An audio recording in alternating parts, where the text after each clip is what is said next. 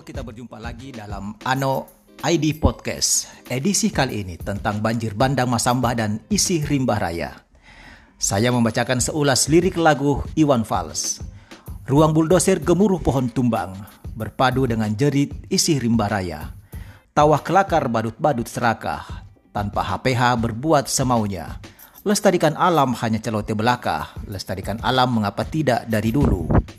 Bencana erosi selalu datang menghantui. Tanah kering kerontang banjir datang itu pasti. Isi rimba tak ada tempat berpijak lagi, punah dengan sendirinya akibat rakus manusia.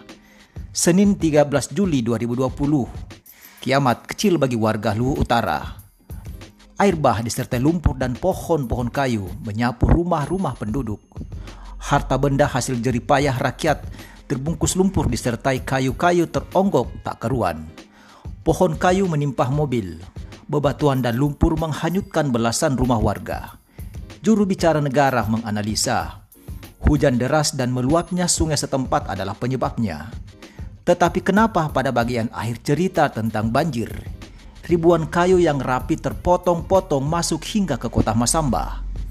Bukankah hujan deras telah menjadi langgam bagi daerah seperti Luwu dan Luwu Utara? Mengapa begitu mudah air dari gunung menyusur rumah-rumah warga lalu menimbun kota Masamba dan 13 orang tewas serta puluhan kehilangan rumah dan luka-luka. Sekali lagi, bencana erosi selalu datang menghantui. Tanah kering kerontang banjir datang itu pasti. Isi rimba tak ada tempat berpijak lagi, punah dengan sendirinya akibat rakus manusia. Sekian dan sampai jumpa.